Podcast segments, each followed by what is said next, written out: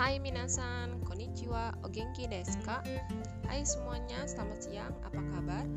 Masih di suasana tahun baru nih Kalian sudah buat resolusi tahunan belum? Kalau mau buat sekarang, masih sempat gak ya? Gak apa-apa kok kalau telat Nah, di podcast saya kali ini, saya akan membahas tentang tiga alasan kenapa resolusi tahunan kita itu tidak berhasil. Check it out ya. Kita membuat resolusi tahunannya terlalu general. Contohnya, aku ingin lebih baik atau aku ingin lebih sabar. Terlalu general. Sehingga nggak ada cara mengukur bagaimana kita mengetahui apakah kita sudah baik atau sudah lebih sabar. Kedua, tidak realistis. Kita bangun resolusi yang besar, tapi kita tidak mengukur atau melihat kemampuan kita. Contohnya, ingin lari 40 km. Saya ingin dapat nilai 100 di semua pelajaran.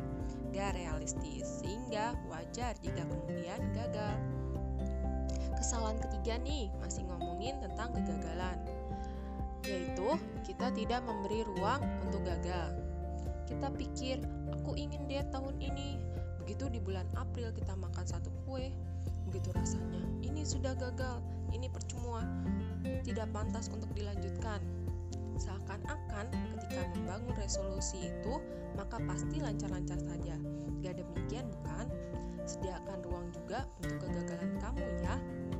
Nah, closing statement podcast saya kali ini adalah A goal without a plan is a wish. Jadi, pas buat resolusi, jangan lupa buat step by stepnya ya. Oke, segitu aja dari saya kali ini. Semoga kita semua dapat kali ini ya. Sampai jumpa di lain kesempatan. Arigatou gozaimashita.